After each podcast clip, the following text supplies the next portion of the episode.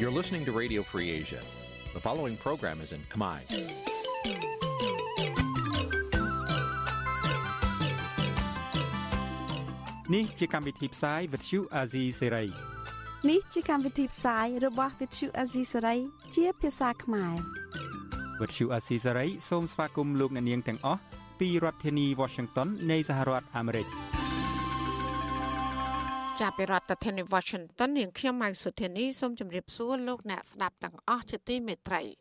ចាយើងខ្ញុំសូមជូនការផ្សាយសម្រាប់ព្រឹកថ្ងៃសៅរ៍14រោចខែផុតបុត្រឆ្នាំខាលចត្វាស័កពុទ្ធសករាជ2566ហើយដល់ត្រូវនៅថ្ងៃទី24ខែកញ្ញាគ្រិស្តសករាជ2022ចាថ្ងៃនេះគឺជាថ្ងៃបិណ្ឌទី14ជាដំបូងនេះសូមអញ្ជើញលោកអ្នកនាងកញ្ញាស្ដាប់ព័ត៌មានប្រចាំថ្ងៃដែលមានមេត្តាដូចតទៅ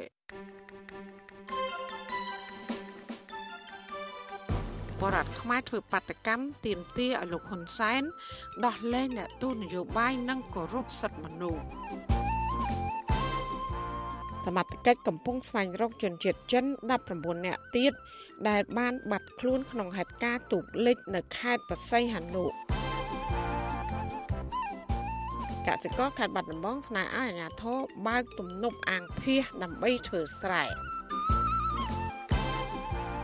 បរដ្ឋប្រមាណ500កុសាក្នុងខេត្តចំនួន2ត្រូវបានជំលៀសចេញពីលំនៅឋាន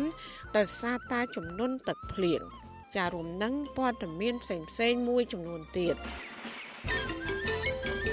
ចាជាបន្តទៅទៀតនេះនាងខ្ញុំម៉ៃសុធានីសូមជូនព័ត៌មានទាំងនោះពឺស្ដាប់ ចាលោកណានៀងជាទីមេត្រីប្រជាប្រដ្ឋខ្មែរភូមានិងចិនរាប់រយនាក់បានប្រមូលផ្ដុំគ្នាលើកបដាតវ៉ានៅខាងមុខទីស្នាក់ការអង្គការសហប្រជាជាតិនៅឯបរិយាញូវយ៉កដើម្បីតវ៉ាប្រឆាំងការរំលោភសិទ្ធិមនុស្សនិងទាមទារឲ្យស្ដារលទ្ធិប្រជាធិបតេយ្យឡើងវិញ។ ចំណែកឯបរដ្ឋខ្មែរអមេរិកាំងប្រមាណជាង300នាក់ដែលបានធ្វើដំណើរមកពីរដ្ឋជាច្រើននៅក្នុងសហរដ្ឋអាមេរិកក៏បានទាមទារឲ្យសហគមន៍អន្តរជាតិដាក់គំនាបដល់រដ្ឋាភិបាលលោកហ៊ុនសែនដោះលែងអ្នកទោសនយោបាយទាំងអស់ឲ្យមានសេរីភាពឡើងវិញ ដោយឥតលក្ខខណ្ឌនិងជាពិសេសគឺគោរពកិច្ចព្រមព្រៀងសន្តិភាពទីក្រុងប៉ារីស ចាលោកសេកបណ្ឌិតដែលបានចុះទៅយកព័ត៌មានដោយផ្ទាល់នៅទីកន្លែងធ្វើបាតកម្មមានសេចក្តីរាយការណ៍ពិស្ដារដូចតទៅបាទលោកដានីកញ្ញាជាទីមេត្រី នៅមុខអង្គការសហប្រជាជាតិក្នុងបូរីយូយ៉កសហរដ្ឋអាមេរិកមានប្រជាពលរដ្ឋយ៉ាងច្រើនកកជាពិសេសពលរដ្ឋមកពីតំបន់អាស៊ីបាននាំគ្នាជួបជុំប្រមូលផ្ដុំបង្ហាញសារលើកបដាដោយប្រកាស ប្រាប់ទៅមេដឹកនាំពិភពលោកដែលកំពុងចូលរួមនៅក្នុងកិច្ចប្រជុំមហាសន្និបាតអង្គការសហប្រជាជាតិលើកទី77ដោយឲ្យពួកគេជំរុញទៅមេដឹកនាំនៅក្នុងប្រទេសអាស៊ីជាពិសេសនៅក្នុងប្រទេសកម្ពុជានិងមីយ៉ាន់ម៉ាឲ្យគោរពលទ្ធិប្រជាធិបតេយ្យគោរពសិទ្ធិមនុស្សគោរពនៅសិទ្ធិបញ្ចេញមតិនិងសិទ្ធិនយោបាយដោយឡែកពលរដ្ឋខ្មែរអាមេរិកាំងមកពីបណ្ដារដ្ឋជាច្រើននៅក្នុងសហរដ្ឋអាមេរិកមានដូចជារដ្ឋ Massachusetts រដ្ឋ California រដ្ឋ North Carolina រដ្ឋ Texas និងរដ្ឋផ្សេងផ្សេងដទៃទៀតដែលមានគ្នាប្រមាណជាង300នាក់ក៏បានមកប្រមូលផ្ដុំគ្នានៅខាងមុខអង្គការសហប្រជាជាតិនៅក្នុងបរិយាញូវយ៉កនៅថ្ងៃសុក្រទី23កញ្ញាដែរដោយពួកគាត់បានលើកបដានិងស្រែកជ័យឃោសទាមទារឲ្យមេដឹកនាំពិភពលោកជំរុញទៅមេដឹកនាំរដ្ឋាភិបាលកម្ពុជាគឺលោកហ៊ុនសែនដែលលោកកំពុងតែចូលរួមនៅក្នុងកិច្ចប្រជុំមហាសន្និបាតអង្គការសហប្រជាជាតិដែរនោះសូមឲ្យលោកគោរពនៅសិទ្ធិមនុស្ស ស្ដារលទ្ធិប្រជាធិបតេយ្យឲ្យរស់ឡើងវិញ។ជាពិសេសពួកគាត់ស្រែកផ្ញើសារទៅលោកហ៊ុនសែនឲ្យឈប់ចាប់ចងអ្នកប្រជាធិបតេយ្យឈប់គំរាមកំហែងអ្នកសិទ្ធិមនុស្សព្រមទាំងស្ទាមទារឲ្យមានការដោះលែងដោយឥតលក្ខខណ្ឌនៅអ្នកទោសនយោបាយអ្នកទោសមនសិការនិងអ្នកទោសដែលកំពុងជាប់ឃុំឃាំងជាពិសេសគឺកញ្ញាសេងធារីនិងសកម្មជននយោបាយជាច្រើនទៀតដែលកំពុងជាប់ពន្ធនាគារ Democracy Free Free Free Cambodia Free Free Free Cambodia Cambodia Cambodia must be free Cambodia Cambodia must be free ពលរដ្ឋខ្មែរអាមេរិកាំងនិងប្រជាជាតិអាស៊ីផ្សេងផ្សេងទៀតមានដូចជាចិនមីយ៉ាន់ម៉ាឬភូមា និងប្រជាជាតិនៅក្នុងតំបន់អាស៊ីផ្សេងផ្សេងទៀតបាននាំគ្នាធ្វើបាតកម្មនៅអង្គការសហប្រជាជាតិនៅក្នុងបរិយាយូយ៉កនេះនៅស្របពេលដែលអង្គការសហប្រជាជាតិកំពុងតែមានកិច្ចពិភាក្សា ក្នុងអង្គមហាសន្និបាតដោយផ្ដោតទៅលើចំណុចរបត់សំខាន់នៃការផ្លាស់ប្ដូរមិនអាចត្រឡប់ក្រោយបាន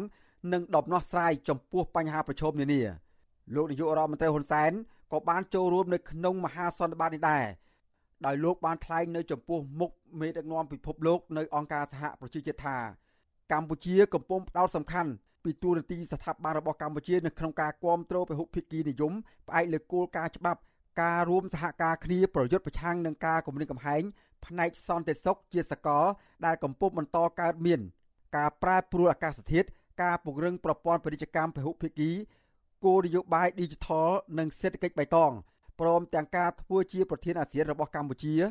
និងកិច្ចខិតខំប្រឹងប្រែងរបស់កម្ពុជានៅក្នុងការកាត់បន្ថយផលប៉ះពាល់នៃជំងឺរាតត្បាត COVID-19 ជាដើមការកោតសរសើរនិងគ្រប់គ្រងយ៉ាងពេញទំហឹងរបស់ប្រជាជនកម្ពុជា លើកិច្ចខិតខំប្រឹងប្រែងឥតសាកសាន របស់រាជរដ្ឋាភិបាលក្នុងការរក្សាសន្តិភាពស្ថិរភាពនយោបាយកិច្ចអភិវឌ្ឍសង្គមសេដ្ឋកិច្ចនិងការប្រយុទ្ធប្រឆាំងនឹងជំងឺ Covid-19 ប្រកបដោយភាពជោគជ័យបានជំរុញឲ្យមានការបោះឆ្នោតផ្ដាល់សេចក្តីទុកចិត្តជូនគណៈបកកណ្ដាលអំណាចយ៉ាងលើកលុបតែទោះយ៉ាងណាលោកហ៊ុនសែនដែលបានអញ្ជើញមកបរិយាញូវយ៉កនៅក្នុងទឹកដីសហរដ្ឋអាមេរិកនាឆ្នាំនេះមិនបានជួបជាមួយនឹងអ្នកគាំទ្រប្រជាពលរដ្ឋខ្មែរអាមេរិកាំង ដោយសពដល់នោះទេដោយលោកមានការបន្ទាន់ត្រូវត្រឡប់ទៅបំពេញបេសកកម្មនៅប្រទេសដទៃទៀតដូចជានៅប្រទេសជប៉ុននិងគុយបាជាដើមលោកនាយករដ្ឋមន្ត្រីហ៊ុនសែនបានមកដល់ទឹកដីបូរីញូវយ៉កសហរដ្ឋអាមេរិកនៅរសៀលថ្ងៃទី21ខែកញ្ញាម៉ោងនៅសហរដ្ឋអាមេរិកជាមួយនឹងមន្ត្រីស្និទ្ធជាមួយលោកមួយចំនួននិងចៅចៅស្រីរបស់លោកផងដែរការនាំចៅចៅរបស់លោកមកបរិយាញូវយ៉កទឹកដីសហរដ្ឋអាមេរិកចូលរួមនៅក្នុងមហាសន្និបាតអង្គការសហប្រជាជាតិលើកនេះ ត្រូវបានអ្នកវិភាគសង្គមមើលឃើញថា ជាការបណ្ដុះគំនិតកូនចៅដើម្បីបន្តការងារបន្តវងត្រកូលរបស់លោកតទៅមុខទៀតទោះយ៉ាងណាក៏ដោយខ្មែរអាមេរិកដែលបានចូលរួមធ្វើបាតកម្មនៅអង្គការសហប្រជាជាតិនៅក្នុងទឹកដីបូរីញូវយ៉កនៅតែទៀមទានិងប្រកាសទៅដល់មេដឹកនាំពិភពលោកឲ្យជំរុញទៅដល់លោកហ៊ុនសែនធ្វើយ៉ាងណាឲ្យគោរពកិច្ចព្រមព្រៀងសន្តិភាពទីក្រុងប៉ារីសគោរពនៅការបញ្ចេញមតិរបស់ប្រជាពលរដ្ឋធ្វើឲ្យលទ្ធិប្រជាធិបតេយ្យរស់ឡើងវិញ ព្រមទាំងបើកលំហសេរីភាពនយោបាយឲ្យមានការប្រកួតប្រជែងតាមរយៈការបោះឆ្នោតមួយដែលសេរីត្រឹមត្រូវនឹងយុត្តិធម៌អាចឲ្យអន្តរជាតិនិងគ្រប់ភាគីទទួលយកបានខ្ញុំបាទសេកបណ្ឌិតវិទ្យុអស៊ីសេរីរាយការណ៍ពីអង្គការសហប្រជាជាតិនៅក្នុងបរិយាញូវយ៉កសហរដ្ឋអាមេរិក។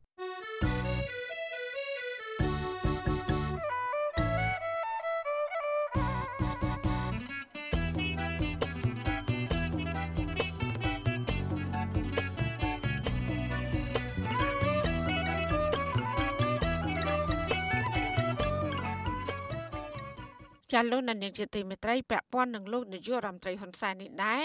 លោកបានជួបតំណាងជាន់ខ្ពស់នៃកម្មវិធីអភិវឌ្ឍអង្គការសហប្រជាជាតិហៅកាត់ថា UNDP ស្នើសុំជួយ បន្តគ្រប់គ្រងសកម្មភាពដោះមីនដើម្បីសម្រេចគោលដៅឲ្យបានគ្មានក្របមីននៅកម្ពុជា នៅត្រឹមឆ្នាំ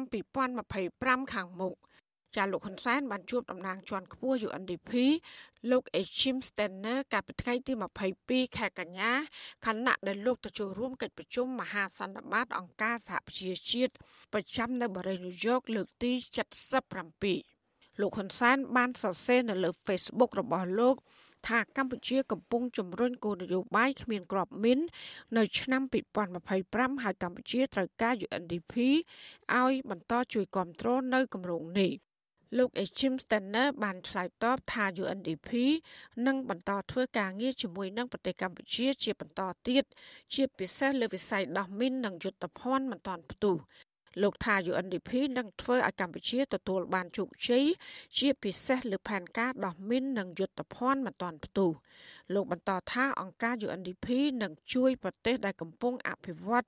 ជាពិសេសពាក់ព័ន្ធនឹងហិរញ្ញប្បទានហើយធ្វើយ៉ាងណាជំរុញយុទ្ធសាស្ត្រក្នុងការតេទៀនការវិនិយោគឲ្យបានខ្ពស់បំផុតរយៈពេល30ឆ្នាំមកនេះស៊ីម៉ាក់បានបោសសម្អាតសំណល់យុទ្ធភ័ណ្ឌសេសសល់ពីសង្គ្រាម រួមមានក្របមីនប្រមាណពី4ទៅ6លានគ្រាប់គ្រាប់បែកចង្កោមទម្លាក់ពីយន្តហោះប្រមាណ30លានកូនគ្រាប់និងគ្រាប់បែកទម្លាក់ពីយន្តហោះទម្ងន់សរុបជិត3លានតោនព្រមទាំងគ្រាប់យុទ្ធភ័ណ្ឌមិនទាន់ផ្ទុះដទៃទៀតយ៉ាងច្រើន ចាប់តាំងពីឆ្នាំ1979រហូតដល់ឆ្នាំ2019ប្រជាប្រដ្ឋខ្មែរប្រមាណ720,000នាក់បានស្លាប់ដោយសារគ្រាប់មីននិងរងរបួសព្រមទាំងពិការដៃជើងសរុបជាង45,000នាក់ផ្សេងទៀតរដ្ឋាភិបាលកម្ពុជាបដិញ្ញាបោសសម្អាតមានឲ្យអស់ពីកម្ពុជាត្រឹមឆ្នាំ2025ដោយត្រូវការថវិកាប្រមាណជិត380លានដុល្លារអាមេរិក សម្រាប់បោសសម្អាតក្របមីននិងក្របសំណល់ជាតិផ្ទុះពីសង្គ្រាម នៅលើផ្ទៃដី ប្រមាណជា806គីឡូម៉ែត្រការ៉េចាក្នុងឱកាសដែលលោកនាយករដ្ឋមន្ត្រីហ៊ុនសែនបានចូលរួមមហាសន្និបាតអង្គការសហប្រជាជាតិនៅឯបរិយានាយកនេះលោកក៏បានឆ្លៀតជួបពិភាក្សានិងអញ្ជើញអគ្គលេខាធិការអង្គការសហប្រជាជាតិឲ្យមកចូលរួមក្នុងកិច្ចប្រជុំកម្ពុជាអាស៊ាននៅកម្ពុជា ដែលនឹងប្រារព្ធធ្វើឡើងក្នុងខែវិច្ឆិកាខាងមុខ ចាលោកហ៊ុនសែនក៏បានសរសេរនៅលើ Facebook ក្រោយពីជំនួបនោះថាលោកអគ្គលេខាធិការអង្គការសហប្រជាជាតិនឹងពិចារណាថាតើនឹងមកចូលរួម នៅក្នុងកិច្ចប្រជុំអាស៊ាននៅពេលខាងមុខឬក៏យ៉ាងណាប៉ុន្តែកន្លងមកលោកក៏ធ្លាប់មកប្រទេសកម្ពុជាដែរក្នុងនាមជាអ្នកទេសចរ Facebook លោកហ៊ុនសែនសរសេរបន្តថាលោកអគ្គលេខាធិការអង្គការសហប្រជាជាតិនឹងជំរុញកិច្ចសហប្រតិបត្តិការរវាងអង្គការសហប្រជាជាតិនិងអាស៊ាន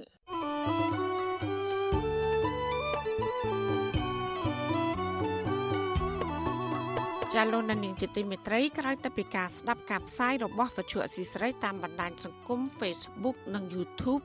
លោកដានៀងកញ្ញាក៏អាចស្ដាប់ការផ្សាយរបស់យើង តាមរយៈរលក ធាតុអាកាសខ្លីឬ short wave ដូចតទៅចាប់ពីព្រឹកចាប់ពីម៉ោង5កន្លះដល់ម៉ោង6កន្លះគឺតាមរយៈរលកធាតុអាកាសខ្លី12140 kHz ស្មើនឹងកម្ពស់ 25m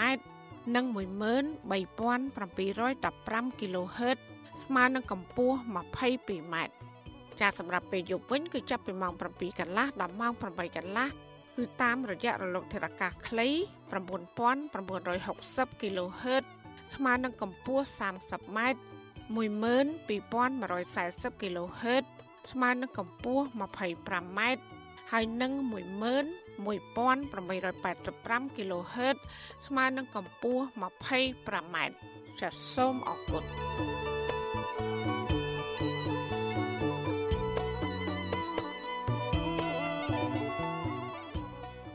ចាលោកណានីជាទីមេត្រីអាជ្ញាធរខេត្តបរសៃអនុបានឲ្យដឹងថាក្រុមការងារជំនាញក៏បានជួយសង្គ្រោះជនជាតិចិនបាន2នាក់បន្ថែមទៀតកាលពីយប់ថ្ងៃទី23ខែកញ្ញាប៉ុន្តែជនរងគ្រោះ19នាក់ផ្សេងទៀតនៅ បន្តបាត់ខ្លួននៅឡើយហេតុការណ៍លិចទូកដែលដឹកជនជាតិចិននេះកើតមានឡើងនៅតំបន់កោះតាងខេត្តបរសៃអនុកាលពីថ្ងៃទី22ខែកញ្ញាចាប់ពីរដ្ឋធានី Washington លោកយ៉ងច័ន្ទដារារាយការណ៍ព័ត៌មាននេះ ជនជាតិចិនសរុបចំនួន41នាក់ដែលធ្វើដំណើរចេញពីប្រទេសកំណើតរបស់ខ្លួន តាមរយៈផ្លូវទឹកចូលកម្ពុជា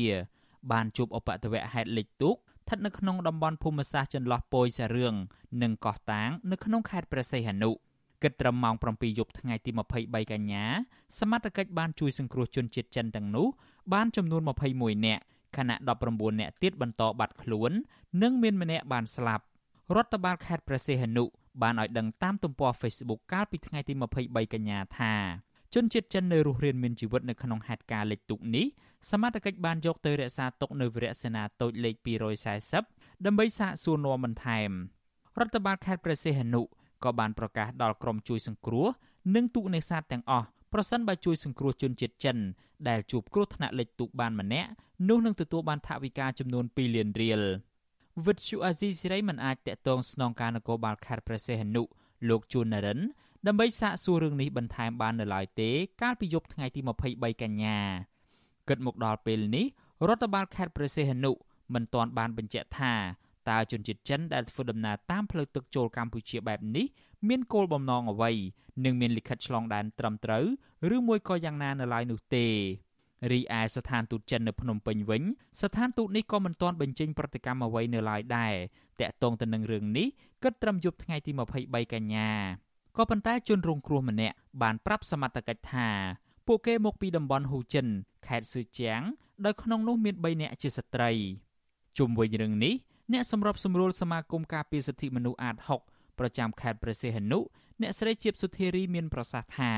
ករណីជនជាតិចិនឆ្លងដែនតាមផ្លូវទឹកចូលកម្ពុជាបែបនេះអាចពួកគេចាញ់បោកមេខ្យល់ឲ្យមកធ្វើការខុសច្បាប់នៅកម្ពុជា អ្នកស្រីយល់ថាបើជនជាតិចិន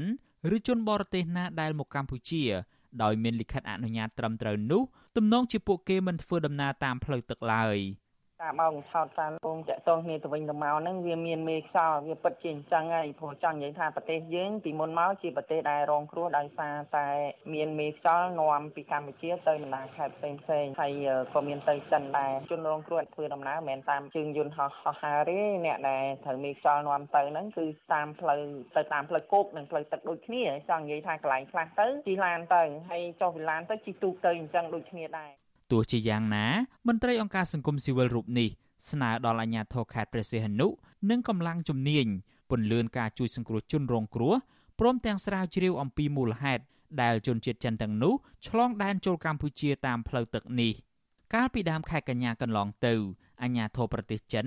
បានបង្ក្រាបជនជាតិចិនចំនួន29នាក់ដែលគ្រងឆ្លងដែនខុសច្បាប់ដើម្បីទៅធ្វើការឲ្យក្រុមហ៊ុនឆបោកនៅខេត្តព្រះសីហនុប៉ូលីសចិនបានរាយការណ៍ថា ក្រុមហ៊ុនឆបោកតាមប្រព័ន្ធទូរគមនាគមន៍នៅក្រុងព្រះសីហនុមានទំនាក់ទំនងជាមួយមេខ្យល់នៅក្រៅប្រទេសដើម្បីឲ្យជួយស្វែងរកបុគ្គលិកចំនួន35នាក់យកទៅបម្រើការងារនៅក្នុងក្រុមហ៊ុនឆបោកតាមប្រព័ន្ធទូរគមនាគមន៍នៅក្នុងក្រុងព្រះសីហនុខ្ញុំយ៉ងច័ន្ទដារាវិទ្យុអាស៊ីសេរីរាយការណ៍ពីរដ្ឋធានី Washington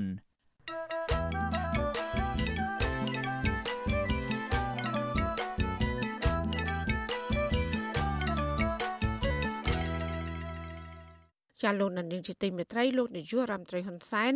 អំពាវនាវឲ្យប្រជាប្រដ្ឋធ្វើដំណើរតាមរថយន្តក្រុងដែលឥតគិតថ្លៃដើម្បីចូលរួមពិធីបុណ្យភ្ជុំបិណ្ឌចាប់ពីថ្ងៃទី23ដល់ថ្ងៃទី27ខែកញ្ញា ជាប្រជាប្រដ្ឋនិងមន្ត្រីសង្គមស៊ីវិលគ្រប់គ្រងសកម្មភាពនេះក៏ប៉ុន្តែពួកគាត់ស្នើសុំឲ្យថ្នាក់ដឹកនាំរដ្ឋាភិបាលគួរអនុវត្តផែនការអភិវឌ្ឍដើម្បីលើកកម្ពស់ជីវភាពប្រជាពលរដ្ឋប្រកបដោយប្រសិទ្ធភាព តាមរយៈការគ្រប់សិទ្ធិមនុស្សជាជាងការធ្វើប្រជាពិធ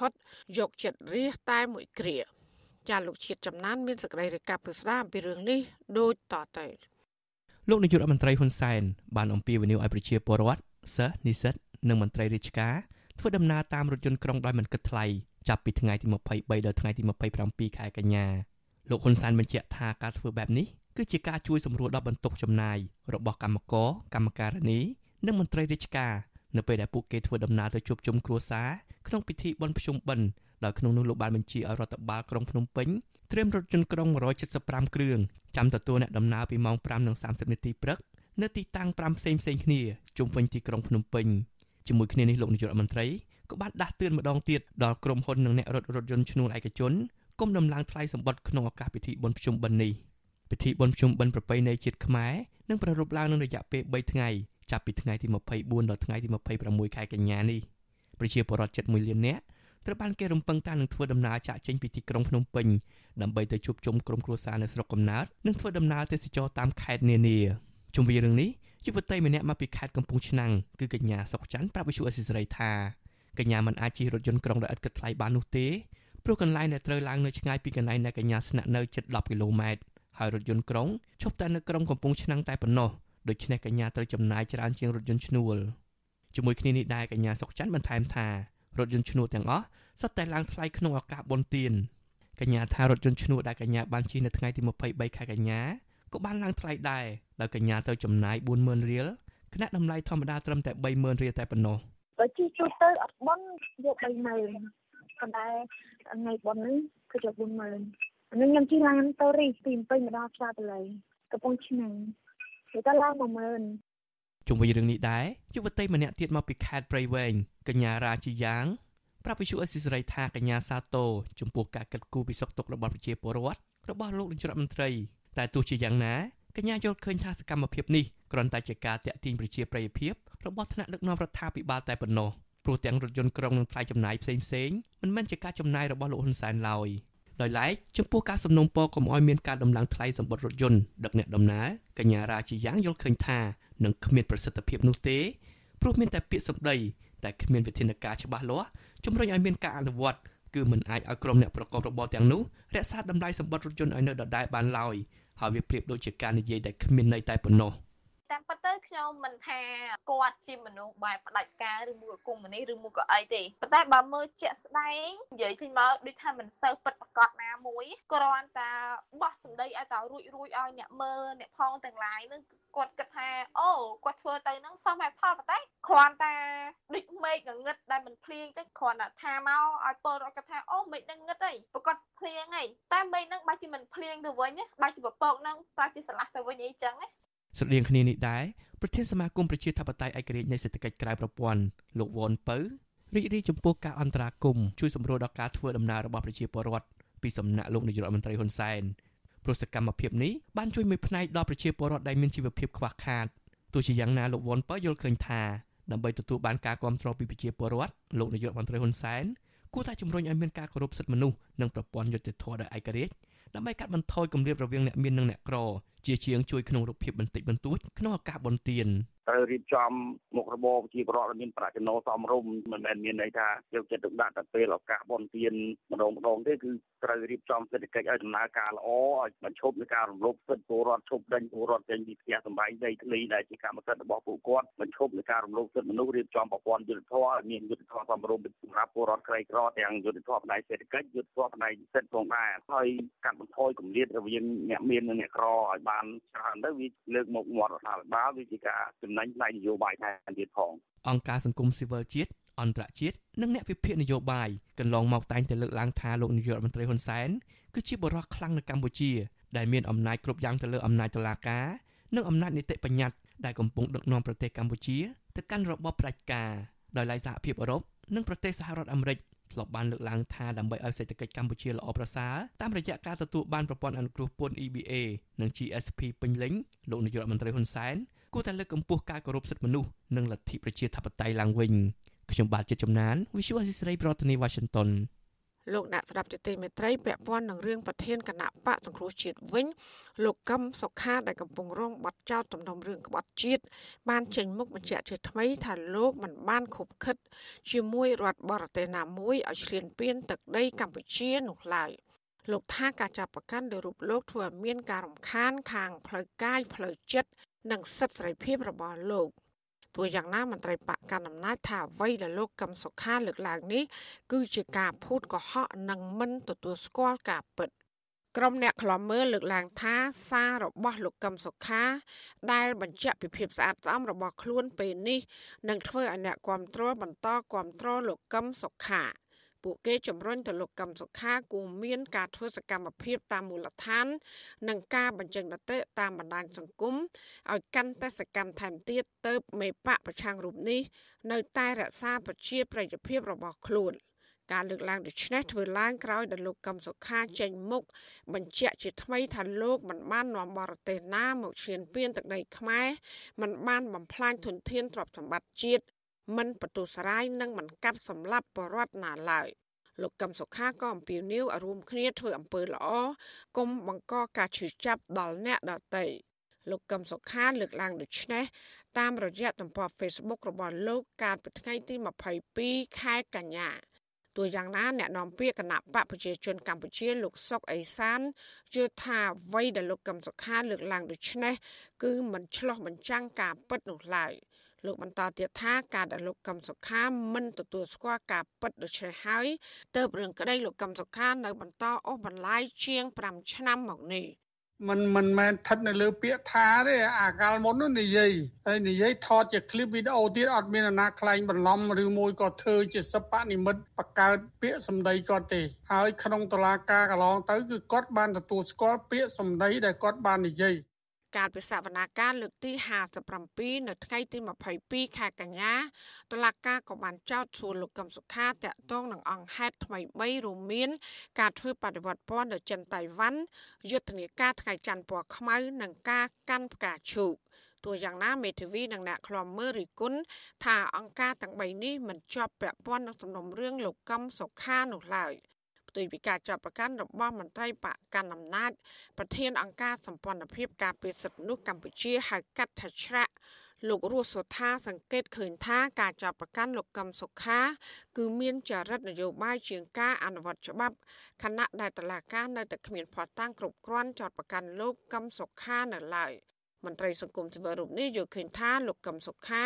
ក្នុងនាមជាអ្នកដឹកនាំមួយរូបក្រៅតែពីបង្ហាញចំហជាតិនិយមលោកកឹមសុខាគួរតស៊ូលះបង់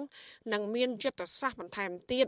ដើម្បីរកច្រកចេញនៃវិបត្តិនយោបាយនៅពេលនេះត្រូវមានការតស៊ូឲ្យបានមុតចត់ទៅតាមច្បាប់ដែលមានមិនអាច អត់ធ្មត់ឬក៏បដែបដោយពេលវេលាពួកពេលវេលាវាខ្លីណាបើសិនតែយើងចេះតែបដែបដោយបដែបដោយទៅមានការតស៊ូហើយមិនមិនដឹងពេលណាគឺថានឹងមានឱកាសជួយប្រទេសជាតិទេហ្នឹងតាមយោបល់ខ្ញុំមកថាមនុស្សអ្នកនយោបាយក៏ត្រូវតែមានគេថាយុទ្ធសាស្ត្រផ្សេងផ្សេងដើម្បីការសម្រេចបាននូវគោលបំណងល្អសម្រាប់ប្រទេសជាតិណាលោកកំសុខាបានបាត់បង់សិទ្ធិធ្វើនយោបាយនិងបាត់បង់អ្វីអ្វីស្ទើរគ្រប់យ៉ាង ជាង5ឆ្នាំមកនេះព្រោះរដ្ឋាភិបាលលោកហ៊ុនសែនបានចោទប្រកាន់ មេបកប្រឆាំងរូបនេះថាបានខុបខិតជាមួយរដ្ឋបរទេសដើម្បីផ្ដួលរំលំរដ្ឋាភិបាល កាលពីឆ្នាំ2017អ្នកជំនាញផ្នែកវិទ្យាសាស្ត្រនយោបាយនិងកិច្ចការអន្តរជាតិលោកអែមសវណ្ណរាយល់ឃើញថា ខ្សាររបស់លោកកឹមសុខានៅពេលនេះ គឺជាការព្យាយាមបញ្ជាក់ភាពស្អាតស្អំរបស់ខ្លួន ដើម្បីឲ្យសហគមន៍ជាតិនិងអន្តរជាតិបានដឹងបន្ថែមទៀតនិងជំរុញទៅសហគមន៍ជួយអន្តរាគមន៍ឲ្យមានការបញ្ចប់ការចាប់ប្រកាន់នៅលើរូបលោកទោះយ៉ាងណាលោកអែមសវណ្ណរាយល់ថាអ្វីដែលលោកកឹមសុខាលើកឡើងពេលនេះទំនងគ្មានទម្ងន់នោះឡើយក៏ប៉ុន្តែអាចតេទៀងប្រជាប្រិយភាព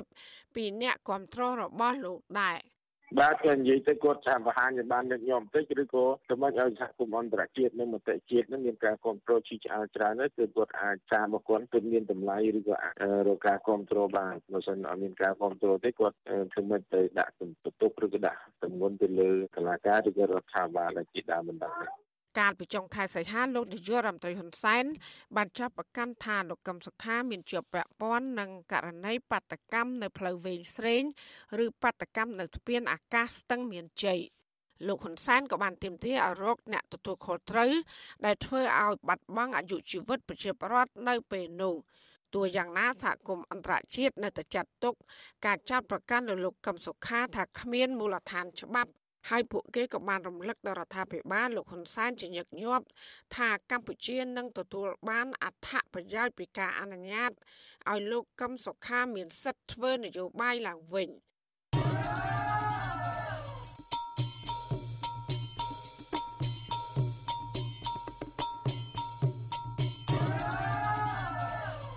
ចាលោកណានីជាទីមេត្រីក្រុមប្រទេសផ្ដល់ជំនួយរបស់សាលាក្តីខ្មែរក្រហមបដិញ្ញាចិត្តយ៉ាងមុតមមតស៊ូមតិដើម្បីយុត្តិធម៌និងប្រឆាំងជាដាច់ខាតចំពោះអំពើនិទានភាពព្រមទាំងបានរំលឹកឡើងវិញនៅការជួយគ្រប់គ្រងរបស់ពួកគេ ចាប់តាំងពីសាលាក្តីខ្មែរក្រហម ចាប់ផ្ដើមដំបូងកាលពីឆ្នាំ2006និងសង្ឃឹមថាគេដំណែននេះនឹងបន្សល់ទុកដល់ប្រជាពលរដ្ឋចំនួនក្រោយ។ សេចក្តីប្រកាសព័ត៌មានរួមនៃក្រុមមិត្តរបស់សាលាក្តីខ្មែរក្រហម នៅថ្ងៃទី23ខែកញ្ញាដឹងថាមុនមួយថ្ងៃដែលតឡាការកំពូលនៃសាលាក្តីខ្មែរក្រហមបានចេញទៅការសម្រេចចុងក្រោយក្រុមមិត្តនៃសាលាក្តីខ្មែរក្រហមបានជួបពិភាក្សាគ្នាជាមួយតំណាងរដ្ឋាភិបាលតំណាងផ្នែករដ្ឋបាលជាតិនិងអន្តរជាតិនៃសាលាក្តីខ្មែរក្រហម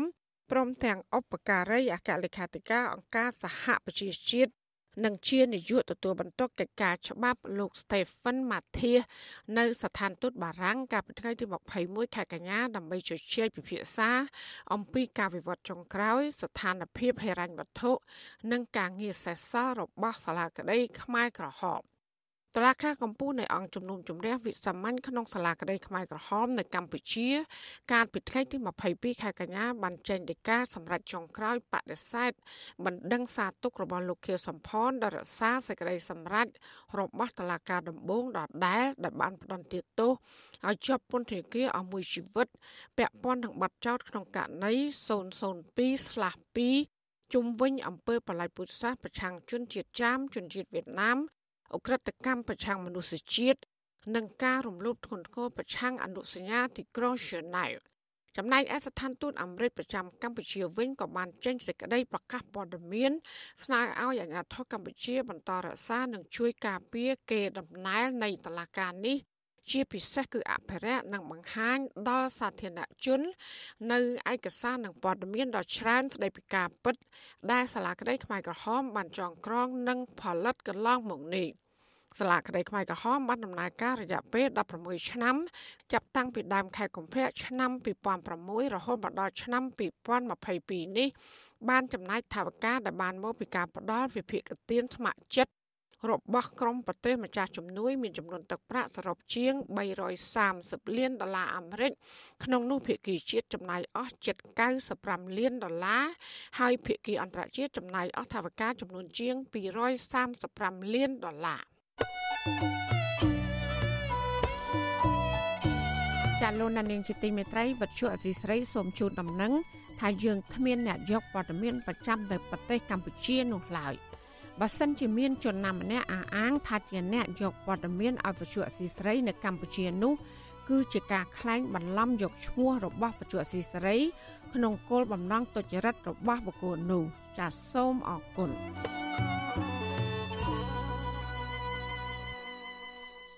ចាលោកនាងកញ្ញាកំពុងស្ដាប់ការផ្សាយរបស់វិទ្យុអសីស្រីផ្សាយចេញពីរដ្ឋធានី Washington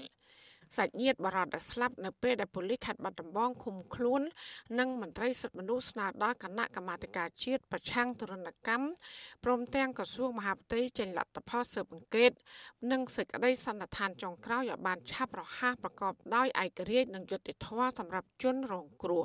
ជាសក្តីរកັບពីស្ដាមពីរឿងនេះលោកដានៀងនឹងបានស្ដាប់នាពេលបន្តិចទៀតនេះចាសសូមអរគុណ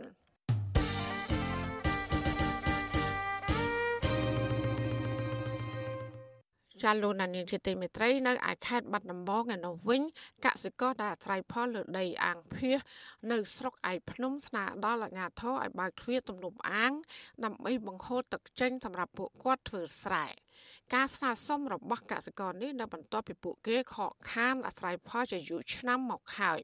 សង្គមស៊ីវិលថាអាញាធិបពព័ន្ធទាំងអស់គួរតែបញ្ជូនគណៈកម្មការដើម្បីសិក្សាស្រាវជ្រាវ និងវិយតម្លៃពិភពប៉ះពាល់ជាក់ស្ដែងឲ្យបានច្បាស់លាស់ដើម្បីបកស្រាយពីមូលហេតុដែលអាញាធិបសម្រាប់បិទទ្វារទំនប់នេះចានេះគឺជាសេចក្តីរាយការណ៍របស់លោកលេងម៉ាលីពីរដ្ឋធានី Washington ប្រជាកសិករដែលអាស្រ័យផលលើផ្ទៃអាងភៀ ស្ថិតក្នុងភូមិសាស្ត្រជាប់ស្រុកឯកភ្នំ និងស្រុកថ្មគោលស្នើដល់អាជ្ញាធរឲ្យបើកទំនប់ទ្វារទឹកដើម្បីឲ្យពួកគាត់អាចភ្ជួរដីធ្វើស្រែឡើងវិញពលរដ្ឋរស់នៅឃុំពីមឯកស្រុកឯកភ្នំលោកចិនស៊ីចាន់ឲ្យវិទ្យុអស៊ីសេរីដឹងនៅថ្ងៃទី23កញ្ញាថាលោកខានធ្វើស្រែបណ្ដេញទឹកប្រមាណជិត10ឆ្នាំមកហើយដោយសារតែអាជ្ញាធរបិទទ្វារទំនប់ទឹកបណ្ដាលឲ្យចាលលិចដីស្រែរបស់លោកអស់ប្រមាណ10ហិកតា លោកបន្តថាពលរដ្ឋអាស្រ័យផលនៅតំបន់អាងភៀសនេះជាង30ឆ្នាំមកហើយហើយភ ieck ច្រើនធ្វើស្រូវឡើងទឹកដោយចាប់ផ្ដើមភ្ជួរដីចាប់ពីខែមេសា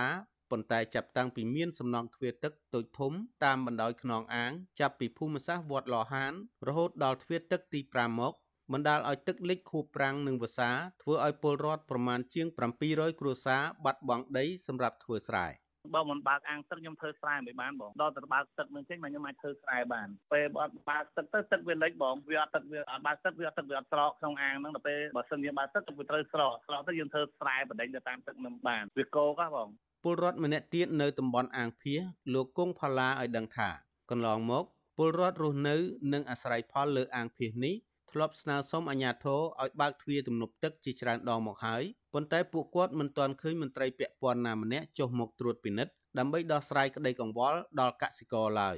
លោកបន្តថាការបិទទ្វារទំនប់ទឹកនេះបណ្ដាលឲ្យរបបទឹកក្នុងអាងកាន់តែកើនឡើង និងមិនទៀងទាត់នាំឲ្យកសិករប្រមាណជាង700គ្រួសារសម្រេចចិត្តបោះបង់ដីស្រែនិងមួយចំនួនទៀតធ្វើស្រែទាំងប្រថុយប្រឋាន បណ្ដាលឲ្យខាតបង់ហើយធ្វើចំណាក់ស្រុកដើម្បីរកលុយសងធនាគារលោកបញ្ជាក់ថា សប្តាហ៍ថ្ងៃមានតែដីជាប់មាត់អាងតិចតួចប៉ុណ្ណោះដែលអាចដាំស្រូវតាមរដូវបាន។ឆ្នាំ2012នេះក៏លោកប្រធានទីទុនធានទឹកលោកបិទទំនប់បិទទំនប់ហ្នឹងដើម្បីយកទឹកហ្នឹងធ្វើស្រែប្រាំងទទួលបិទទៅបិទទៅទឹកវាចោលហីឲ្យទៅលើទៀតលិចអស់លីងណាមកធ្វើអត់បានធ្វើស្រែបង្កើននៅក្នុងអាំហ្នឹងព្រោះវាបង្កើតទៅបង្កើតទៅក៏នាំគ្នាដាក់ពាក្យស្នើសុំក៏ប៉ុន្តែសេចក្តីសម្រេចមកវិញនោះអត់បានអត់បានក៏ហីទៅក៏ឈប់ តំបន់អាងភៀសមានផ្ទៃដីសរុបជិត2000ហិកតា មានព្រំប្រទល់ជាប់ឃុំពីមឯកស្រុកឯកភ្នំ និងឃុំអូតាគីឃឃុំតាពូង ស្រុកថ្មគោលដែលមានពលរដ្ឋរស់នៅនិងអាស្រ័យផលជាង800គ្រួសារពលរដ្ឋនៅតំបន់នេះភ ieck ច្រើនប្រកបរបរធ្វើស្រែចិញ្ចឹមសត្វរកខ្យងកាប់អុសនិងនេសាទ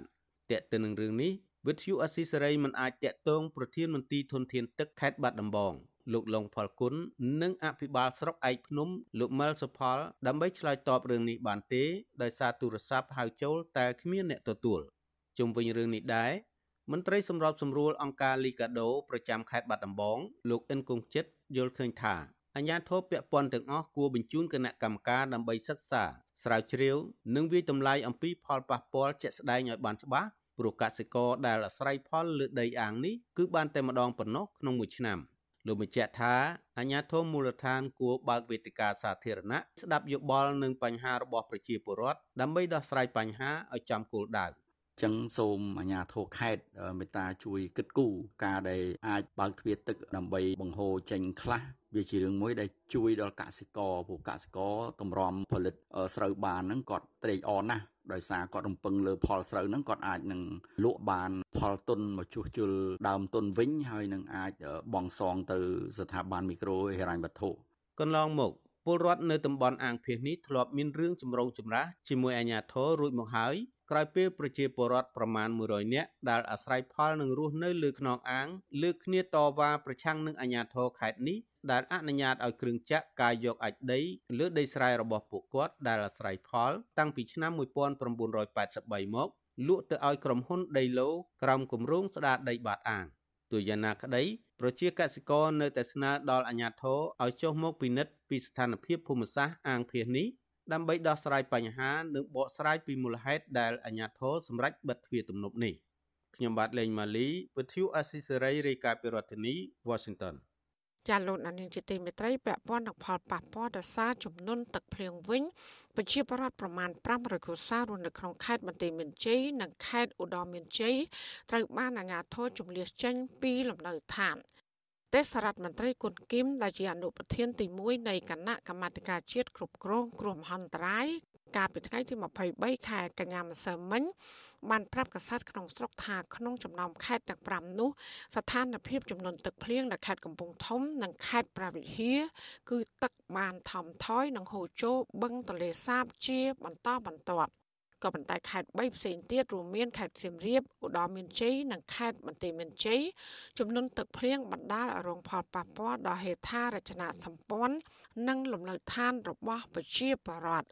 លោកគុណគឹមណែនាំដល់លេខាធិការដ្ឋានគ្រប់គ្រងគ្រោះមហន្តរាយនៅរាជធានីនិងខេត្តទាំងអស់ឲ្យយកចិត្តទុកដាក់ខ្ពស់ដើម្បីតាមដានសភាពការនេះ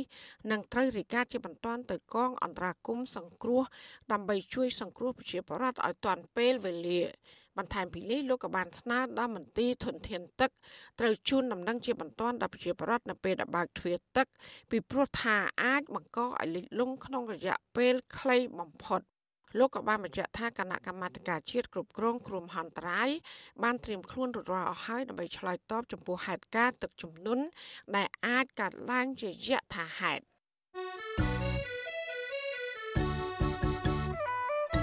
ចាលោកនាងជាទីមេត្រីក្នុងឱកាសនេះដែរនាងខ្ញុំសូមថ្លែងអំណរគុណដល់លោកនាងកញ្ញាដែលតែងតែមានភក្ដីភាពចំពោះការផ្សាយរបស់យើង ហើយចាត់ទុកការស្ដាប់វិទ្យុអសីស្រីជាផ្នែកមួយនៃសកម្មភាពប្រចាំថ្ងៃរបស់លោកអ្នក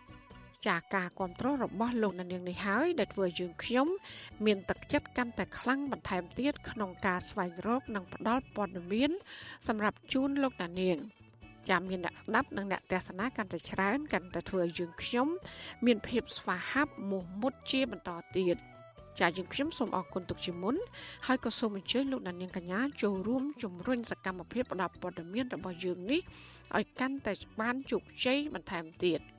ចាលោកណានៀងអាចជួយយើងខ្ញុំបានដោយគ្រាន់តែចុចចែករំលែកឬ share ការផ្សាយរបស់យើងខ្ញុំនៅលើបណ្ដាញសង្គម Facebook និង YouTube ទៅកាន់មិត្តភ័ក្តិរបស់លោកណានៀងដើម្បីឲ្យការផ្សាយរបស់យើង បានទៅដល់មនុស្សកាន់តែច្រើនចាសសូមអរគុណ ចាលោកនានីជាទីមេត្រីនៅឯកម្ពុជាក្រៅម្ដងវិញអាញាធិបតេយ្យវៀតណាមក៏ហៅប្រជាប្រដ្ឋខ្មែរក្រៅម្នាក់ទៀតទៅសាកសួរពាក់ព័ន្ធនឹងរឿងដែលខ្មែរក្រៅរំលឹកទិវាសិទ្ធិជនជាតិដើម កាលពីថ្ងៃទី13ខែកញ្ញាកន្លងទៅសកម្មជនខ្មែរក្រោមយោធាអាញាធរវៀតណាមកំពុងព្យាយាមរដ្ឋបិទសិទ្ធិត្រីភាព និងបំផិតបំភ័យបរតខ្មែរក្រោមដែលមានគំនិតប្រឆាំងនឹងរដ្ឋអំណាចវៀតណាម ចាលោកទីនសាការីយ៉ាមានសេចក្តីរាយការណ៍ព័ត៌មាននេះអាញាធរវៀតណាមនៅខេត្តប្រតពាំងដែលវៀតណាមហៅថាត្រាវិញបានចេញដីកាកោះហៅឲ្យបរតខ្មែរក្រមមួយរូបលោកថាច់ផែនចូលទៅបំភ្លឺកាលពីថ្ងៃទី22កញ្ញារឿងដែលលោកបានចូលរួមពិធីប្រពខួប15ឆ្នាំនៃទិវាសិទ្ធិជនជាតិដើមដែលអង្គការសហប្រជាជាតិបានចេញសេចក្តីសម្រេចជាសកលក្នុងការគោរពសិទ្ធិជនជាតិដើមកាលពីឆ្នាំ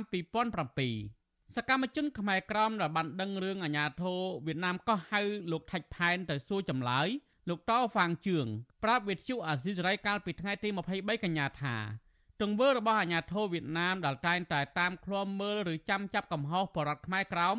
ដែលហ៊ានរិះគន់រដ្ឋាភិបាល គឺជាទង្វើរំលោភសិទ្ធិមនុស្សនិងខុសពីច្បាប់អន្តរជាតិដែលវៀតណាមធ្លាប់ចុះហត្ថលេខាលើច្បាប់ស្តីពីសិទ្ធិជនជាតិដើមលោកបន្តថាការកោះហៅសកម្មជនខ្មែរក្រមជាញឹកញាប់នេះ វៀតណាមមានគោលបំណងចង់បំបាក់ស្មារតីសកម្មជនដទៃទៀតកុំឲ្យទាមទារសិទ្ធិរបស់ខ្លួនលោកយល់ឃើញថាយុវជនខ្មែរក្រមកំពុងតែផុសផុល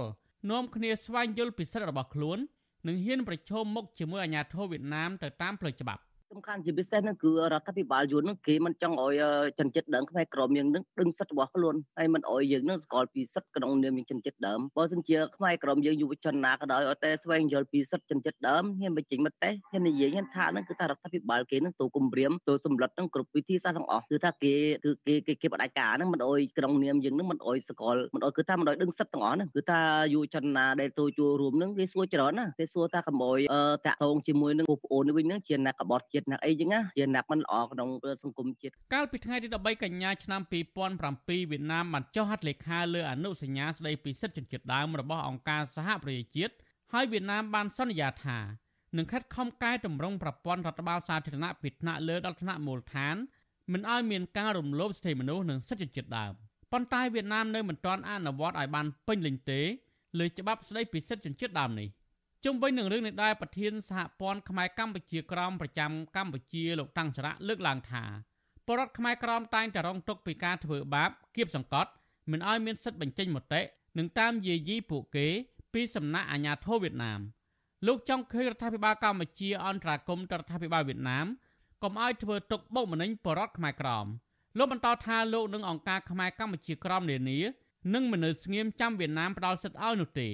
លោកនឹងខិតខំតស៊ូមតិលើឆាកអន្តរជាតិឲ្យវៀតណាមទទួលស្គាល់សិទ្ធិរបស់ខ្មែរកម្ពុជាក្រោម។ ឲ្យវៀតណាមលើទឹកទាំងនោះដាក់លើជើងពៀនមកបកលឲ្យខ្លួនទេគឺខ្មែរកម្ពុជាក្រមកំពុងតែតស៊ូជារៀងរាល់ថ្ងៃនៅលើឆាកអន្តរជាតិមានសហព័ន្ធខ្មែរកម្ពុជាក្រមជាអ្នកដឹកនាំហើយនៅពេលនេះពលរដ្ឋខ្មែរកម្ពុជាក្រមដែលកំពុងរស់នៅក្នុងដែនដីកម្ពុជាក្រមដ៏សែនស្រស់របស់ខ្លួនក៏មិនដេកសំងំទឹកឲ្យវៀតណាមចេះតែរំលោភមកលើសិទ្ធិរបស់ខ្លួនដោយអតីតកាល ចាប់តាំងពីបរដ្ឋខ្មែរក្រមនៅលើទឹកដីកម្ពុជាក្រម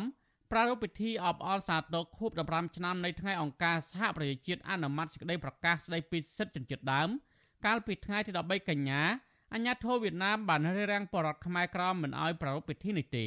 នឹងបានកោះហៅយុវជនខ្មែរកម្ពុជាក្រមជាបន្តបន្ទាប់មានដូចជាយុវជនថៃគឿងនិងលោកថាច់ផែននេះជាដើមខ្ញុំទីនសាការីយ៉ាអាស៊ីសេរីប្រធានីវ៉ាស៊ីនតោន ស៊ីសេរីចាលោកអ្នកស្ដាប់ជទីមេត្រីចំណាយបរដ្ឋខ្មែរដែលកំពុងធ្វើការលីសែងទំនិញនិងដឹកជញ្ជូនទំនិញតាមផ្សារនៅប្រទេសថៃវិញ មានពលករខ្លះបានហូបស្លឹកឈើម្យ៉ាងហៅថាស្លឹកក្រថមដែលមានសារធាតុញៀនហើយធ្វើប៉ះពាល់ដល់សុខភាពតើមូលហេតុអ្វីបានជាពួកគេនាំគ្នាហូបស្លឹកក្រថមនេះចាសសេចក្តីរាយការណ៍ពីស្លាមពីរឿងនេះលោកដានៀងក៏នឹងបានស្ដាប់នាពេលបន្តិចទៀតនេះចាសសូមអរគុណ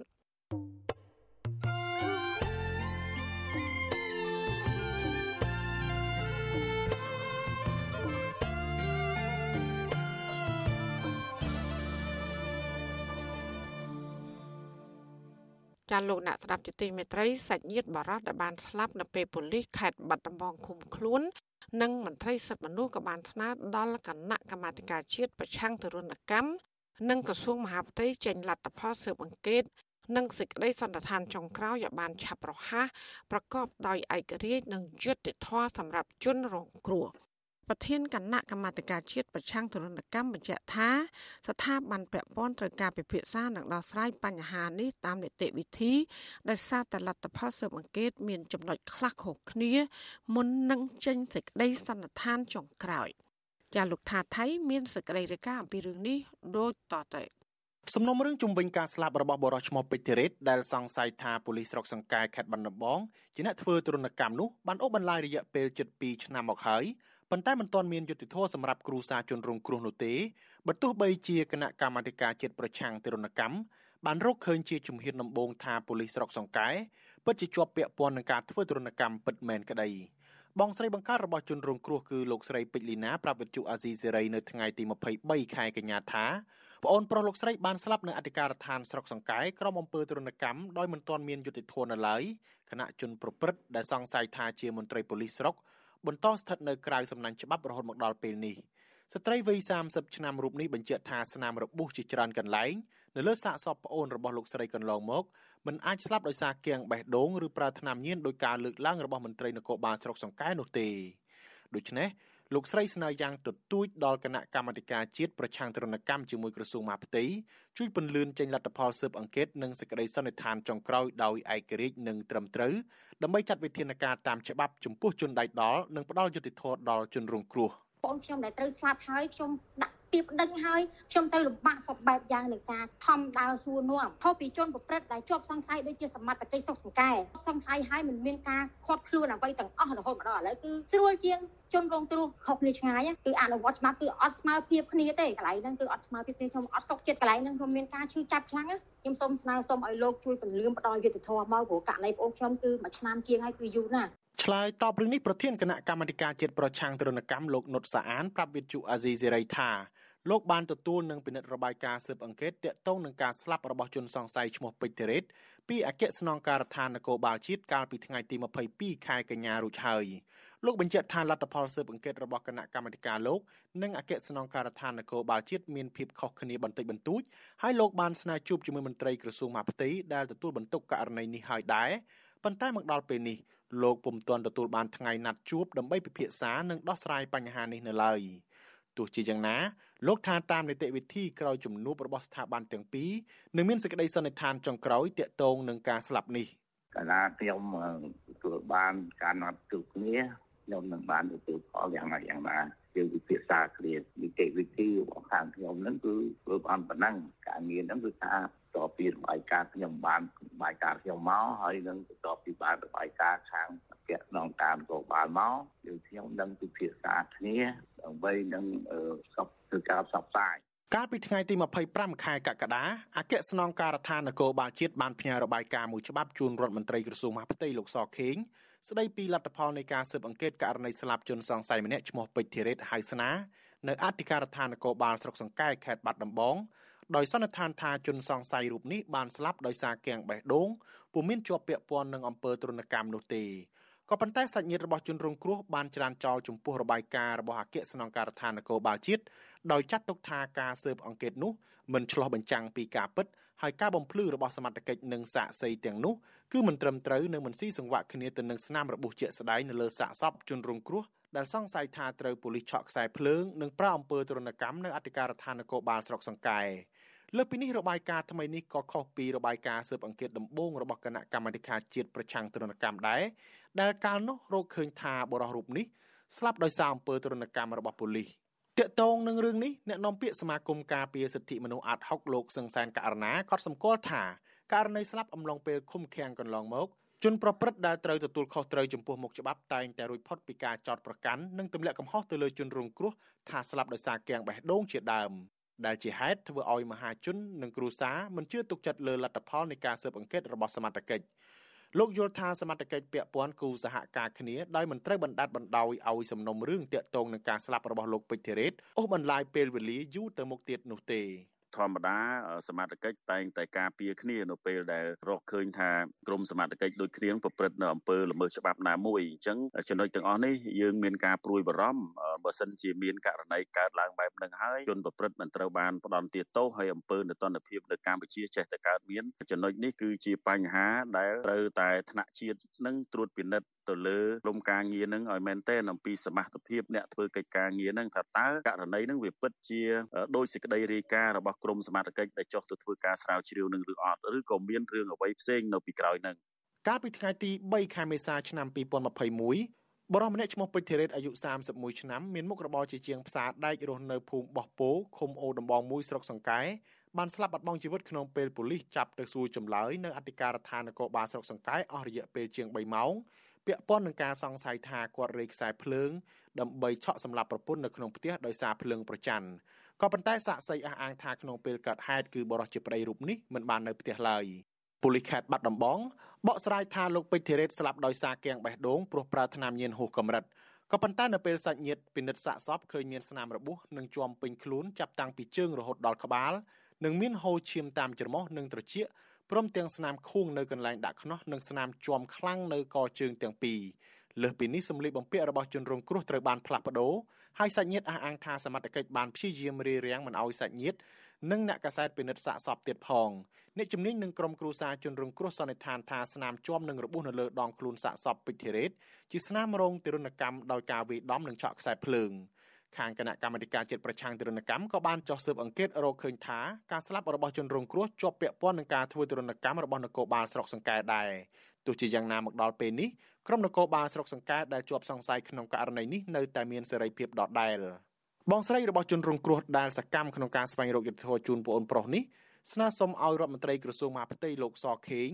ជួយអន្តរាគមន៍ស្វែងរកការពិតដើម្បីយកជនដៃដល់ដែលប្រើទរណកម្មយ៉ាងព្រៃផ្សៃមកផ្ដន់ទាទោស តាមច្បាប់ ខ្ញុំថាថៃពីទីក្រុងមែលប៊ន thank you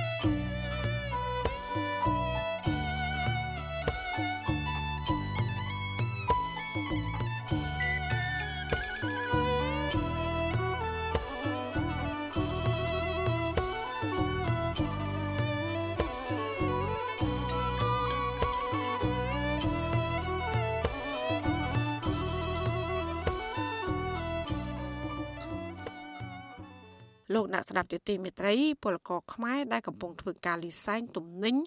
និងដឹកជញ្ជូនទំនិញតាមផ្សារនៅឯប្រទេសថៃ មានពលករខ្លះបានហូបស្លឹកឈើម្យ៉ាងហៅថាស្លឹកក្រថមដែលមានសារធាតុញៀននិងធ្វើឲ្យប៉ះពាល់ដល់សុខភាព ចំពោះអ្នកដែលបានប្រើស្លឹកនេះហួសកម្រិតតើមូលហេតុអ្វីបានជាពួកគេហូបស្លឹកទាំងនេះចាលោកទីនសាករាយាមានសេចក្តីរាយការណ៍ដាច់ដライមួយទៀតជុំវិញព័ត៌មាននេះ ស្លឹកឈើដែលកម្មកយកម្ហូបនេះមានទម្រង់ស្រដៀងនឹងស្លឹកដើមឈើទាលដែលជនជាតិថៃហៅថាបៃក្រថមជាប្រភេទរុក្ខជាតិញៀនក្នុងចំណោមរុក្ខជាតិញៀនទាំង4ប្រភេទមានកញ្ឆាជាដើមដែលច្បាប់នៅក្នុងប្រទេសថៃបានអនុញ្ញាតឲ្យប្រើប្រាស់សម្រាប់កែរោគពលករខ្មែរធ្វើការចិញ្ចឹមបន្លែនៅផ្សារមួយក្នុងខេត្តបឋមធានីរស់នៅប្រទេសថៃ6ឆ្នាំមកហើយលោកតារាឲ្យដឹងថាលោកមិនចង់ហូបស្លឹកក្រថមនេះទេ ប៉ុន្តែដោយសារតែលោកចង់មានកម្លាំងស្វាហាប់មិនងុយដេកនិងមិនចាញ់ក្តៅថ្ងៃដើម្បីមានពេលវេលារកប្រាក់ឲ្យបានច្រើនសន្សំយកផ្ញើទៅផ្គត់ផ្គង់គ្រួសារនៅស្រុកកំណើតលោកបន្តថាលោកហូបស្លឹកក្រថមនេះដោយបានលើតាមមិត្តភ័ក្តិធ្វើការជាមួយគ្នាថាហូបទៅធ្វើការមិនចេះហត់នឿយមិនចេះធន់ទ្រាំការងារហើយមិនខុសច្បាប់ព្រោះមានគេដាក់លក់នៅលើទីផ្សារ វាជួយបានយើងដូចថាថាធ្វើការទៅវាហត់មើលទៅធ្វើយើងល្អឯងអញ្ចឹងណាព្រោះយើងដូចល្អឯងមិនកាំងតែដល់ពេលដល់វាយើងយើងយើងពីទៅវាធ្វើយើងល្អឯងមិនមិនចង់មួយវារឹងល្អឯងតែបើវាអស់វាអស់ជាតិហើយក៏យើងក៏ធម្មតាវិញហ្នឹងវាចូលថាដូចនិយាយរមកដូចយកទៅជាឆ្នាំដូចឆ្នាំហ្នឹងឆ្នាំវាដូចថាយើងវាគឺថាមានទេអីវាអាចជួយបានដែរណាជួយបានយ៉ាងដូចជាឆ្នាំមកដល់មិនមិនឆ្នាំមិនទេថាវាទីទៅប៉ះពាល់សុខភាពអីខូចតែញៀនមិនអត់មានយ៉ាងទេតែវាជួយយើងមកថាខ្លះក្នុងការនិយាយរួមមកវាស៊ូកណ្ដាលឯងយើងទៅយើងទីទៅធ្វើការហាត់ថ្ងៃអញ្ចឹងវាអត់ក្តៅប្រហាក់ប្រហែលគ្នាដែរពលករខ្មែរម្នាក់ទៀតធ្វើការដោយលោកតារាដែរមានស្រុកកំណើតនៅឯខេត្តបាត់ដំបងរស់នៅប្រទេសថៃ3ឆ្នាំ លោកវ៉ាមាសឲ្យដឹងថាលោកហូបស្លឹកក្រថមទៅតាមអារម្មណ៍នៅឃើញតែប៉ុណ្ណោះមិនបានញៀនដកខ្លួនមិនរួចនោះទេ ហើយម្យ៉ាង ការពៀកុំឲ្យងុយដេកផងព្រោះហូបទៅធ្វើការមួយយប់ទល់ភ្លឺមិនអស់កម្លាំងដែរ លោកបន្ថែមថានៅកន្លែងការងាររបស់លោក អ្នកដែលប្រើកម្លាំងច្រើន ហើយមានរយៈពេលយូរច្រើនតែហូបស្លឹកក្រថមនេះមិនថាកម្មករខ្មែរឬកម្មករថៃនោះទេលោកឲ្យដឹងទៀតថាលោកចង់មានពេលវេលាធ្វើការឲ្យបានយូរដើម្បីរកប្រាក់ឲ្យបានច្រើនទើបលោកសម្រេចចិត្តហូបស្លឹកក្រថមបែបនេះដើម្បីមានកម្លាំងធ្វើការប៉ុន្តែលោកក៏ដឹងដែរថាបើប្រើច្រើនពេកប៉ះពាល់ដល់សុខភាពដាល់ ធំវាចំណូលទៅតាមទីតាមឃើញទៅឃើញទីនឹកឃើញអត់បាទនៅឯតាមតាមគេនេះចំណូលខ្ញុំមិនសូវចំណូលទេតាមនឹកឃើញណាណាទីណាអត់ណោះបាទនៅផ្សារក្នុងខេត្តបឋមធានីមានពលករកម្មករខ្មែរភូមាឡាវនិងថៃធ្វើការជាអ្នកដឹកជញ្ជូនបន្លែអស់រទេសរៀបបន្លែច្រកថងលក់បន្លែត្រីសាច់ឲ្យថកែថៃក្នុងចំណោមនោះមានពលករខ្មែរប្រមាណជា1000នាក់កំពុងធ្វើការនៅក្នុងផ្សារសៀមមឿង ជុំវិញនឹងរឿងនេះដែរគ្រូពេទ្យអសបរានថៃកញ្ញាវរការមុខប្រដាប់ មានប្រសាសន៍ថា ការប្រើប្រាស់ឬហូបស្លឹកក្រថមធ្វើឲ្យមនុស្សមានអារម្មណ៍ឃ្លាវខ្លាអូសាស្ទុះស្ទា មិនសូវឃ្លានបាយមិនធ្វើឲ្យចុករយពេលធ្វើការ ដឹងខ្លួនថាមានកម្លាំងចនិចធ្វើការបានច្រើនម៉ោងធ្វើការក្រោមកម្ដៅថ្ងៃបានយូរប៉ុន្តែកញ្ញាថាគួរតែហូបតែម្ដងបានហើយក្នុងមួយថ្ងៃជៀសវាងប៉ះពាល់ដល់សុខភាពទៅថ្ងៃក្រោយ បើជៀសបាន គួរតែកំប្រើស្លឹកក្រថមនេះកញ្ញាបន្ថែមថាបើហូបស្លឹកក្រថមច្រើន អាចធ្វើឲ្យហើមពោះបណ្ដាលឲ្យបបោមាត់និងបំពង់កស្ងួត ហើយអ្នកដែលប្រើអាចធ្វើឲ្យស្បែកស្ងួត ស្បែកក្រហម ស្បែកកន្ទួលរមាស់នោមញឹកនិងទល់លាមកជាដើមការហូបស្លឹកក្រថមច្រើនហួសកម្រិតអាចធ្វើឲ្យមនុស្សញៀននិងធ្វើឲ្យប៉ះពាល់ដល់សុខភាព ពេលឈឺពិបាកក្នុងការព្យាបាល ហើយនឹងធ្វើឲ្យឆាប់បាក់កម្លាំងនៅពេលចូលវ័យ40ឆ្នាំឡើងទៅ ប្រឈមនឹងជំងឺច្រើនមុខអស់ថវិកាច្រើនពេលព្យាបាល ជាពិសេសធ្វើឲ្យប៉ះពាល់ដល់សុខភាពធ្ងន់ធ្ងរសេដ្ឋកិច្ចគ្រួសារនិងការរីកចម្រើនសង្គមជាតិទាំងមូលស្លឹកក្រថមជាប្រភេទរុក្ខជាតិញៀនម្យ៉ាង ក្នុងចំណោមរុក្ខជាតិទាំង4ប្រភេទមានស្លឹកកញ្ឆាជាដើមដែលច្បាប់របស់ប្រទេសថៃពីមុនហាមមិនឲ្យប្រើប្រាស់នោះទេ ហើយដាក់ទោស ចំពោះជនណាដែលបានដាំដុះឬជួញដូររុក្ខជាតិប្រភេទនេះត្រូវជាប់ពន្ធនាគាររហូតដល់41ឆ្នាំក៏ប៉ុន្តែបច្ចុប្បន្នស្លឹកក្រថមនិងស្លឹកកញ្ឆាបានអនុញ្ញាតឲ្យប្រើប្រាស់ក្នុងវិស័យសុខាភិបាលនៃប្រទេសថៃតែការអនុញ្ញាតឲ្យប្រើប្រាស់នេះគឺមានចំនួនកំណត់តាមច្បាប់ដែលចូលជាធរមានតាំងពីថ្ងៃទី26វិច្ឆិកាឆ្នាំ2021ខ្ញុំធីនសាការីយ៉ាអស៊ីសេរីប្រធានីវ៉ាស៊ីនតោន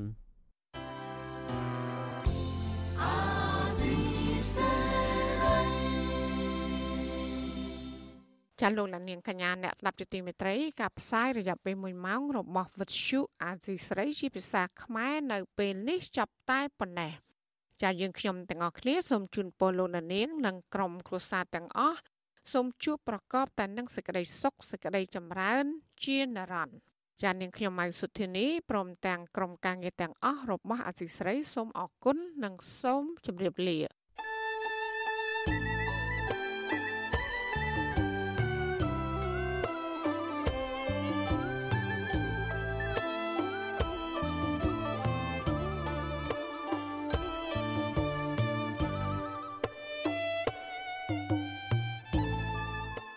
ទ្យុអាស៊ីសេរីផ្សាយតាមរលក ធាតុអាកាសខ្លីឬ shortwave តាមកម្រិតនិងកម្ពស់ដូចតទៅនេះពេលព្រឹកចាប់ពីម៉ោង5កន្លះដល់ម៉ោង6កន្លះតាមរយៈរលកធាតុអាកាសខ្លី12140 kHz ស្មើនឹងកម្ពស់ 25m និង13715 kHz ស្មើនឹងកម្ពស់ 22m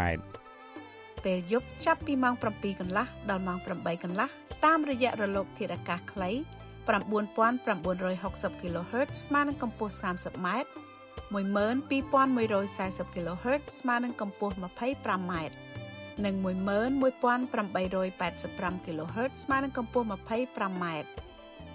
លោកអ្នកនាងអាចស្ដាប់ការផ្សាយផ្ទាល់តាមប្រព័ន្ធអ៊ីនធឺណិតដោយចូលទៅកាន់គេហទំព័រ www.rfa.org/ ខ្មែរក្រៅពីនេះលោកអ្នកនាងក៏អាចអាននិងទស្សនាព័ត៌មានវិទ្យុអេស៊ីសេរី លើទូរស័ព្ទដៃរបស់លោកអ្នកផ្ទាល់សូមលោកអ្នកនាងចូលទៅកាន់បណ្ដាញសង្គម Facebook ដែលមានអាសយដ្ឋាន